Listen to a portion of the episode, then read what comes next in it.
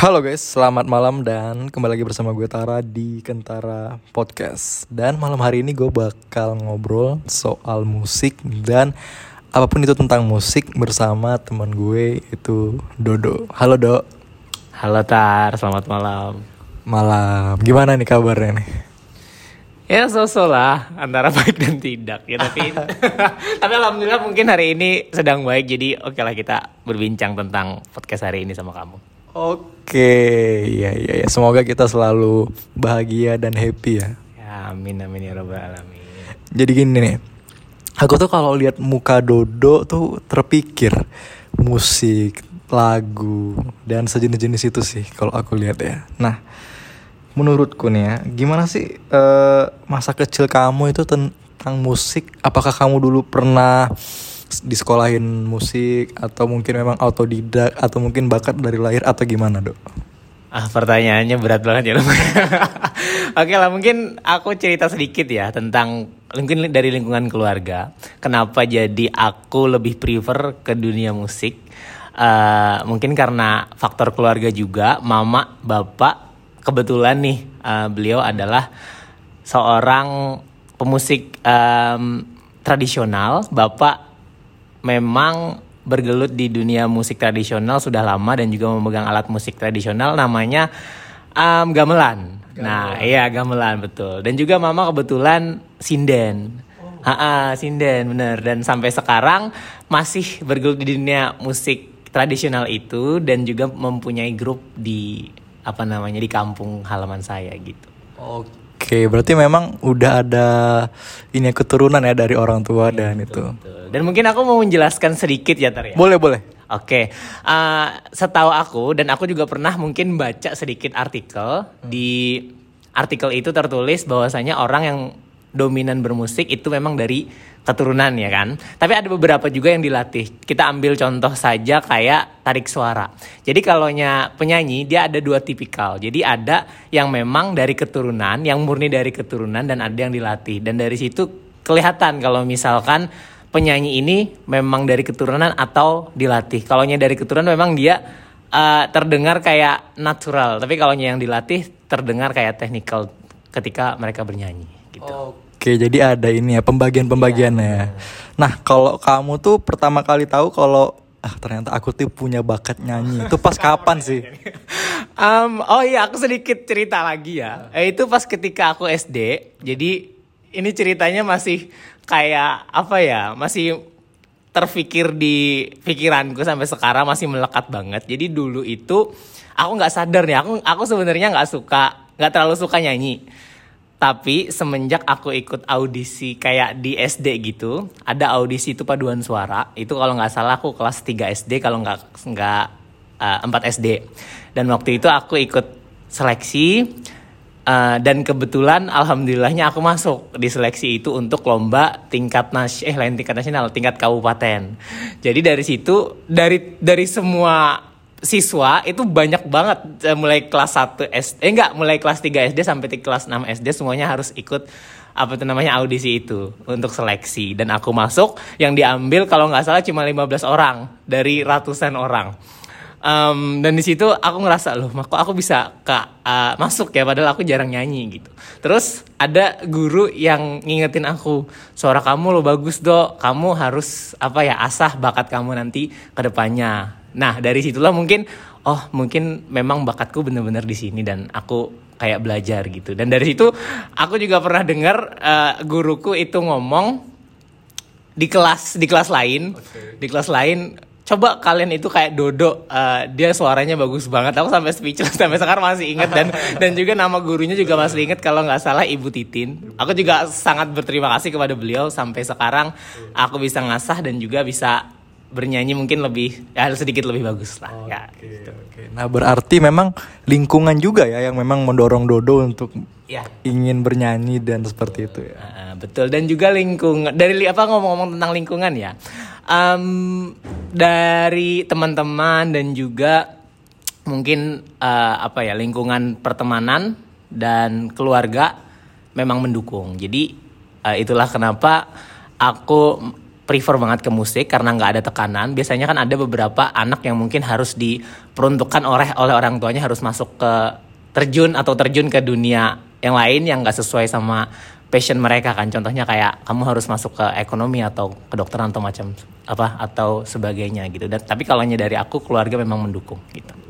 Oke, nah tadi kan ngomongin bahwasannya Dodo kan pernah ikut lomba nih di SD kan. Iya, iya. Nah selain itu ada nggak lomba-lomba atau kompetisi-kompetisi lagi yang diikutin? Mungkin yang lebih tingkatnya lebih tinggi atau gimana tuh? Ada, uh, ada kemarin mungkin tahun 2020 aku ikut lomba band tingkat nasional dan alhamdulillah dapat juara satu. Kalau untuk lomba-lomba sebelumnya uh, sebenarnya ada tar, cuma aku tuh nggak nggak terlalu bisa ikut lomba. Karena alasannya mungkin karena terlalu kurang terekspos aja ya kalau kan aku kan sekolah di di perdesaan. Kemungkinan ya mungkin perdesaan. Jadi agak kurang apa ya namanya agak jauh dari perkotaan. Jadi lomba-lomba tuh agak sedikit. Tapi ada beberapa yang pernah aku ikutin. Mungkin yang paling gede ya itu yang tingkat nasional itu Oke, tapi tapi bukan berarti kan uh, teman-teman di daerah tuh juga punya potensi yang luar biasa ya, ya. dibandingkan anak-anak yang di ibu kota mungkin yang memang mereka lebih gampang untuk ini ya. Betul. Nah, tapi kalau anak orang desa nih ya ter ya, perbedaannya sama orang kota. Kalau orang kota dia cenderung lebih mungkin lebih enak untuk nge growing up atau nge-develop bakat mereka karena banyak nih uh, kayak misalkan um, apa ya namanya ya kayak acara-acara musik atau perlombaan tentang musik di perkotaan. Tapi kalau di perdesaan tuh agak sedikit jadi agak kurang bisa berkembang gitu mungkin. Dan juga dari guru les juga. Kalau ya aku kan pribadi latihan otodidak dari YouTube dari artikel dan sebagainya gitu. Oke, jadi memang dari kecil kamu udah lahir, tumbuh dan berkembang di lingkungan musik dan itulah yang membuat kamu sekarang uh, bisa lebih mengenal musik ya. Nah, kalau untuk genre sendiri nih atau jenis musik apa sih yang menjadi favorit kamu gitu? Kalau favorit itu sebenarnya semua genre musik eh, tergantung orangnya juga ya. Tapi kalau aku pribadi aku lebih prefer ke R&B, terus ada jazz sama ballad kalau pop juga karena di Indonesia mungkin orang-orang lebih menge lebih mengenal uh, musik pop ya kan dan juga ballad. Kalau ballad tuh yang kayak galau lagu galau-galau gitu, itu musik ballad dan mungkin aku juga menyesuaikan dari karakteristik suaraku. Karakteristik suara tuh suaraku kan lebih kayak mellow gitu kan. Kayak contohnya artis-artis Indonesia itu yang kayak Afgan sama Semi Simorangkir. Jadi aku lebih prefer ke lagu-lagu ballad gitu. Tapi lagu andalan kamu nih ketika di atas panggung apa? Kalau lagu andalan itu aku biasanya memilih lagu yang agak lebih slow, mellow dan juga lebih menonjolkan karakteristik suara dan juga um, apa ya namanya teknik vokal gitu. Biasanya kayak lagu-lagu uh, Semi Simorangkir contohnya atau lagu-lagunya pokoknya lagu-lagu yang terbaru yang kekinian gitu lagunya mahal ini yang biasa kita nyanyiin juga itu aku pernah bawain juga itu oke okay. okay. Berarti bisa aku tebak penyanyi favoritnya mahal ini nih. Of course, tapi one of one of my favorite ya kan. Oke oke oke. Kalau sejauh ini yang memang jadi patokan aku untuk bernyanyi, memang dia favorit aku salah satunya. Tapi kalau untuk patokan ataupun favorit mulai awal itu Afgan. Kalau di Indonesia itu aku suka banget sama Afgan. Entah entah kenapa mungkin karena karakteristik suaranya juga dan juga dia memulai karir sejak tahun 2008 dan sampai sekarang dia masih bersinar luar biasa banget kan jarang ya artis yang lama di dunia musik kan sedangkan dia sampai sekarang masih apa ya masih bergelut di industri musik gitu. Tapi kalau untuk penyanyi luar, penyanyi luar mau tau nggak? boleh boleh boleh penyanyi luar, penyanyi internasional siapa? Oke okay, kalau penyanyi internasional aku suka Ariana Grande, Ariana Grande. Wow. Nah ya dia kan lebih technical gitu kan ya, sama Morissette Amon dari Filipina Oh, kalau itu aku gak mungkin tahu. kurang referensi, jadi nggak tahu. Tapi kayak keren sih ya. Keren banget. Dan juga artis-artis kayak diva kayak Maria Carey gitu. Terusan ah, kalau yang laki-laki aku ada Justin Timberlake, aku suka juga yang lebih ke R&B gitu. Tapi kan perkembangan musik di Indonesia sekarang juga beberapa penyanyi-penyanyi lokal Indonesia itu udah duet ya sama penyanyi-penyanyi internasional ya. Betul, betul, betul banget. Kamu tahu juga. Contohnya kayak kemarin nih yang kalau apa jebolan dari Indonesian Idol itu si Leodra, dia kan duet sama Callum Scott. Nah Callum Scott tuh juga one of my favorite. Eh, judul lagunya kalau nggak salah Heaven tuh bagus banget. Oke, boleh tuh nanti didengar ya sama teman-teman. Tapi eh, kamu nggak ada niatan nih mau ikut Indonesia Idol atau X Factor dan sejenisnya? Oh my god, it's so hard ya. Jadi aku pernah tar ikut uh, Indonesian Idol. Pernah satu kali uh, tahun 2018 itu kalau nggak salah Idol ke-9 dan yang menang itu Maria Simorangkir. Jadi audisinya itu memang dalam ran. Nah, ini susahnya kalau kita berada di kota kecil. Kan uh, Kalimantan Selatan ibu kotanya Banjarmasin ya. Jadi Banjarmasin itu bukan salah satu kota yang jadi pusat untuk audisi itu. Jadi cuma ada audisi sebenarnya, cuma audisi yang kecil-kecilan kayak street audition, terus apalagi gitu aku lupa. Nah, aku ikut di situ tuh. Jadi dari sekian ribu peserta, aku alhamdulillahnya masuk uh, untuk seleksi itu. Itu kalau nggak salah kemarin diambil 300 orang. Sedangkan yang diberangkatkan ke ke tempat audisi yang langsung ketemu juri inti itu cuma satu dua orang kalau nggak salah. Jadi aku nggak masuk di situ. Tapi pas awalnya masuk. Ya mungkin nanti ke depannya kalau misalkan ada kesempatan lagi ya bolehlah ikut. Kan ya untuk ini ya Judika ya. Ini tolong di keep ya Dodo. Oke oke ya. Berarti nih kalau aku boleh tahu di handphone kamu di playlist kamu berarti musik-musik terus ya every day every time. Of course, of course. Kayaknya sehari tanpa musik tuh hampa kalau buat aku ya. Jujur uh, jujur aja aku sehari itu pasti harus dengerin musik. Soalnya musik is like my life karena moodku bakalan naik kalau aku dengerin musik. Dan musik-musik biasanya yang kayak terbaru kayak lagunya Jiva kemarin ada yang baru kan yang judulnya Munafik sama pilihan terbaik kalau nggak salah. Nah, itu lagi aku dengerin. Dan kalaunya aku lagi suka musik nih, misalkan kayak Ziva ngeluarin lagu baru yang judulnya Munafik, tuh aku dengerin terus tar. Jadi sampai bosen banget. Nah, aku kayak gitu tipe kalau orang yang kayak gitu. Oke, tapi uh, aku ini nih surat sedikit. Biasanya kalau aku lagi pengen suka satu lagu, aku dengerin terus misalnya sampai seminggu, dua minggu terus ada rasa bosan tuh memang beneran kayak gitu apa? Di aku aja apa kamu juga? Iya, sebenarnya uh, ada ada di mana fase kita ngerasa bosan sama satu lagu itu. Soalnya kan ah kok ini terus sih? Tapi kita nanti pindah ke playlist lain kan. Nah tapi kalau misalkan kita udah misalkan satu bulan gak dengerin pasti kita bakalan kangen dengerin lagu itu. Entahlah aku juga belum bisa me menjelaskan kenapa hal itu bisa terjadi ya kan? Tapi namanya orang kan dia moodnya berubah-ubah ya. Mungkin karena mood itu yang yang menyesuaikan. Jadi moodku sekarang oh happy. Jadi kita harus dengerin lagu yang lebih kayak upbeat gitu. Upbeat ya namanya. Apa sih? Upbeat. Upbeat. Ya upbeat sorry.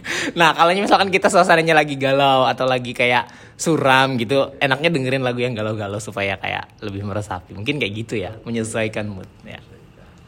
Nah berarti kalau suka denger tuh cuman lagu berbahasa Indonesia dan Inggris tidak ada bahasa lain?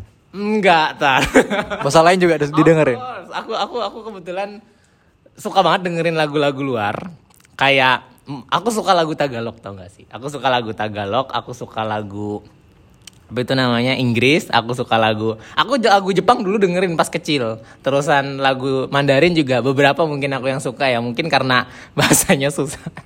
Mohon maaf karena bahasanya susah banget. Jadi agak dan aku juga ngapalin lagu Mandarin tuh susahnya minta ampun. Uh, aku kalau lagu Tagalog kan dia susunan katanya atau apa ya namanya bahasanya mungkin agak similar kayak Indonesia ya kan. Dan oh ya Korea, aku juga suka lagu-lagu Korea aku juga banyak yang hafal lah gitu. Korea ya.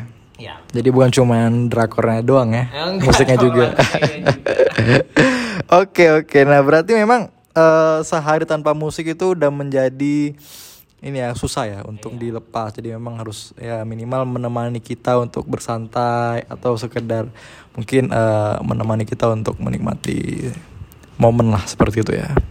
Wow. Tapi gini, yang aku lihat ya kalau teman-temanku beberapa yang memang dia penyanyi, itu dia tuh ada uh, keahlian lain di luar itu. Mungkin seperti MC podcast atau mungkin sebagai uh, ya itu tadi pembawa acara dan lain-lain. Apakah kamu juga kayak gitu, Dok? Ya kebetulan bener banget. Aku entah entah kenapa ya tadi. Mungkin karena orang-orang yang bergelut di dunia hiburan yang kayak penyanyi itu dia punya punya passion, punya kelebihan lain kayak ngomong di depan umum kan ya. Jadi mereka pengen ngembangin kira-kira aku cocok gak sih jadi MC gitu. Dan kalau yang aku pribadi aku memang sering jadi MC pas aku di Indonesia. Sekarang nggak di Indonesia ya. ya. Jadi pas pas aku ya pas aku di kampung halaman lah ya istilahnya. Pas aku uh, masih kuliah juga aku sering jadi MC dan juga bahkan um, bawain acara kayak podcast gitu tapi untuk salah satu institusi di ya di daerahku gitu Oke, okay, good. Nah, mungkin uh, teman-teman yang denger ini juga pengen tahu nih tips dari Dodo gimana ketika kita di atas panggung itu tidak merasa grogi, tidak merasa nervous tuh apa sih tipsnya dari Dodo nih? Oke, tapi kayaknya kamu lebih jago deh. Enggak lah. I think kamu lebih oke okay lah. Tapi mungkin beberapa orang memang beda ya kan. Cara cara ngilangin rasa takut atau rasa gugup. Tapi kalau aku pribadi itu tergantung jam terbang. Aku yang yang dulu memang bukannya sombong ya. Bener bener. ya mungkin uh, jam terbangku juga sudah lumayan pas pas aku di ya pas di Indonesia lah ya um, aku tetap ngerasa gugup tar sebenarnya. Jadi pas aku mau naik, yang bikin gugup sebenarnya overthinking kita. Jadi kita tuh terlalu berekspektasi ke orang kan ya. Misalkan tak apa dan juga rasa tak rasa takut kita yang bikin kita grogi. Misalkan kayak eh nanti aku bawain acara ini aku nanti diketawain nggak ya? Nanti aku bakalan salah ngomong nggak ya? Nah itu yang bikin kita grogi. Padahal kalau misalkan kita berpikir positif uh, positif yang pertama kalau di atas panggung itu bakal lancar-lancar aja.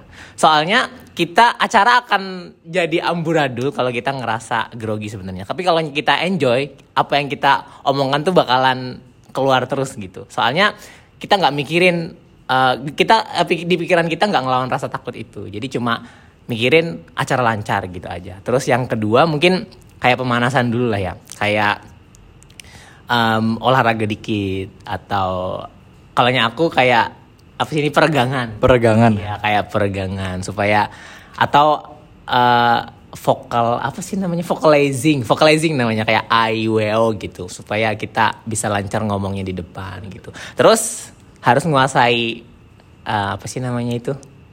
Teks. Iya, harus menguasai teks, harus menguasai apa sih rondon acara pada hari ini, gitu sih.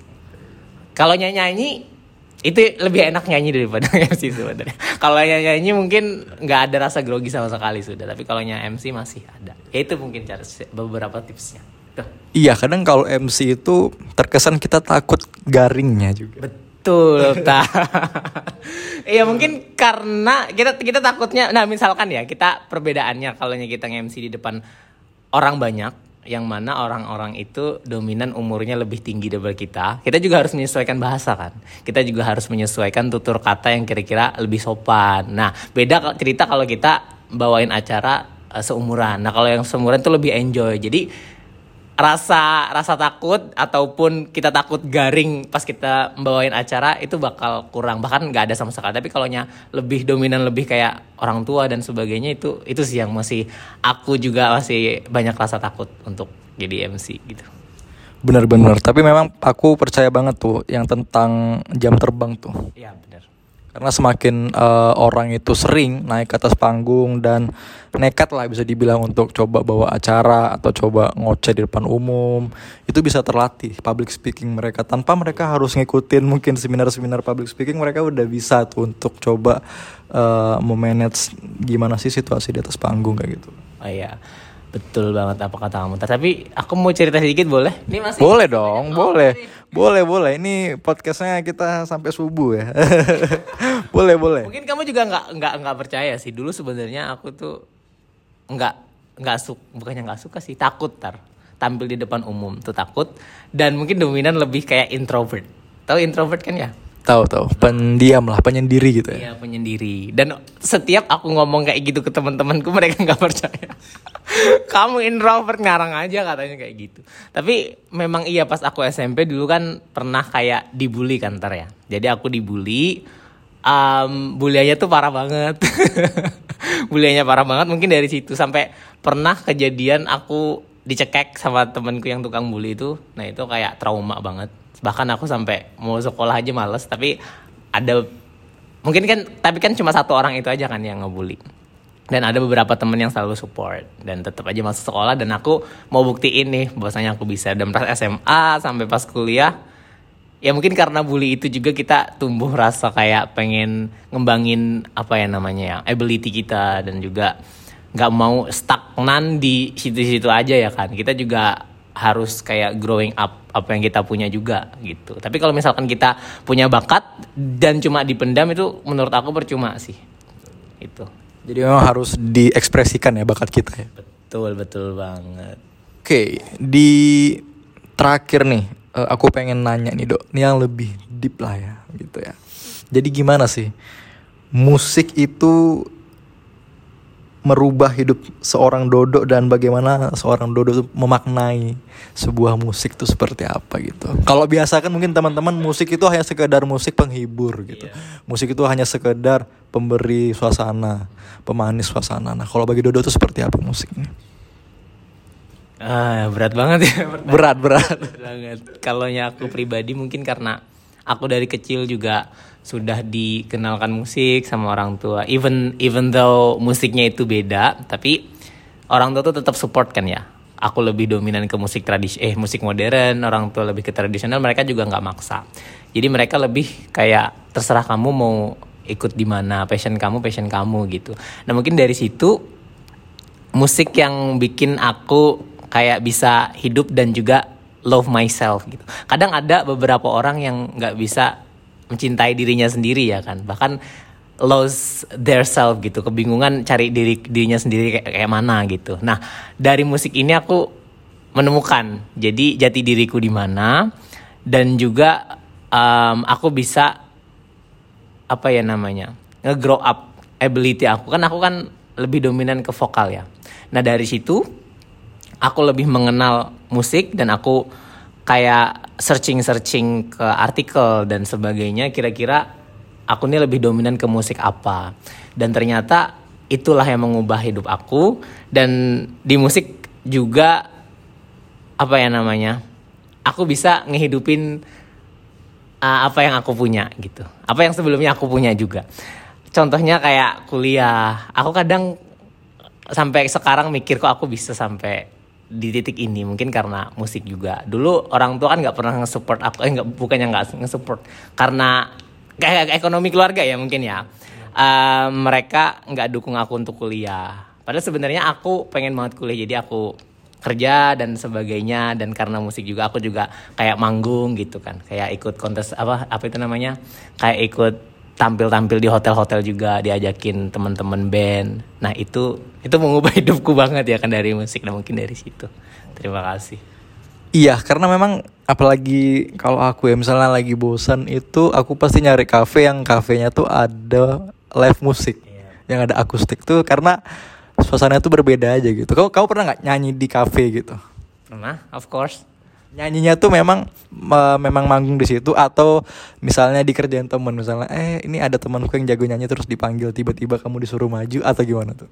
Iya kayak gitu kebanyakan. Kan aku kan manggung kan kadang-kadang bukan di tempat itu kan. Kadang eh, teman-teman kalau nya, "Dok, kita ke kafe yuk," katanya kayak gitu. Ah, ke angkringan yuk dan sebagainya. Ayo kataku gitu kan. Terus ada live musiknya terus dikerjain sama temen. Kak ada yang mau nyanyi namanya Dodo terus tiba-tiba dipanggil kok bisa. Kayak gitu pernah sih kejadian. Dan ya ya udahlah nyanyi aja dan banyak banget orang kadang speechless. Bahkan ada yang ngasih duit ke aku. Padahal aku lagi nyanyi dangdut. Kayak biasanya kan yang disawer kan yang orang-orang tapi mereka kayak speechless aja denger ya mungkin denger aku nyanyi gitu. Mungkin karena lagunya juga yang bagus. Nah kalau misalnya Dodo sendiri tadi kan katanya nyanyi lagu yang sedih seneng. Kalau misalnya lagi perasaan tuh lagi nano-nano misalnya lagi sedih tuh denger lagu apa? Dua lagu yang andalan lah gitu. lagu anda Judulnya kalau pas lagi sedih tuh. judulnya itu tergantung suasana terlalu banyak lagu yang aku dengerin ya tapi yang sampai sekarang aku kayak deep banget itu lagunya Ziva yang terbaru sih yang aku dengerin terus yang judulnya pilihan pilihan yang terbaik kalau nggak salah terus ada lagu Korea juga lagu Korea itu judulnya em, Day and Night itu original soundtrack dari Startup. Tahu kan Startup? Tahu tahu film juga startup. Aku kalau dengerin lagu itu pasti tar kayak ada vibes tersendiri gitu. Misalkan kayak kita pergi ke tempat-tempat tertentu ya, pergi ke tempat-tempat tertentu terus dengerin lagu ini gitu. Ah, misalkan kita ambil contoh ke gunung, kita sambil dengerin lagu lagunya siapa gitu. Terus kalaunya sudah apa namanya sudah pulang ke rumah, terus kita dengerin lagu itu lagi, vibes-nya tuh masih kerasa kalau kita tuh di masih di gunung gitu. Entah aku entah aku aja yang ngerasain atau si- atau kamu juga tapi ya there is uh, music mungkin ya karena ada um, ada nyawanya tersendiri mungkin. Itu dari aku sih makanya kenapa aku love banget sama musik gitu. Oke, iya tapi benar sih karena memang kan kadang kalau misalnya kita ke gunung atau ke senja-senja gitu, misalnya kan putar lagu Firsa Besari atau mungkin yang sejenis-sejenis lagu indie-indie gitu kayaknya memang berasa sih. Betul. Betul, kamu kamu anak India. Enggak sih. Kopi kopi ya. Oke. Nah, untuk sebelum kita closing nih, Dok, aku tuh mungkin teman-teman juga pengen denger ya. Nyanyiin deh satu bait lagu di, di refnya aja gitu. Yang lagu favorit kamu gitu. mungkin teman-teman penasaran nih si Dodo nih gimana sih gitu. Eh, sekarang Sekarang dong. Oke. Mungkin aku mau nyanyi lagunya. Ini lagunya sering banget aku bawain dulu pas uh, lagunya lagi hype-hype-nya. Judulnya Pura-pura lupa dari uh, dari Mahen dan aku kebetulan udah pernah cover juga. Jadi teman-teman mungkin yang pengen nonton ya kan. Buka aja YouTube-nya. Em, sedikit ya di rapnya ya. Boleh, boleh. Jangan datang lagi cinta Bagaimana aku bisa lupa Padahal kau tahu keadaannya Kau bukanlah untukku Jangan lagi rindu cinta.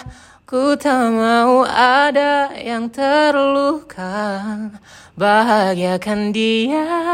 Aku tak apa Biar aku yang pura-pura. Lupa. Thank you. Uh, keren banget. Oke guys, itu dia podcast hari ini bersama Dodo. Dan sampai jumpa. for me, dance for me, oh, oh. I never seen anybody do the things you do before.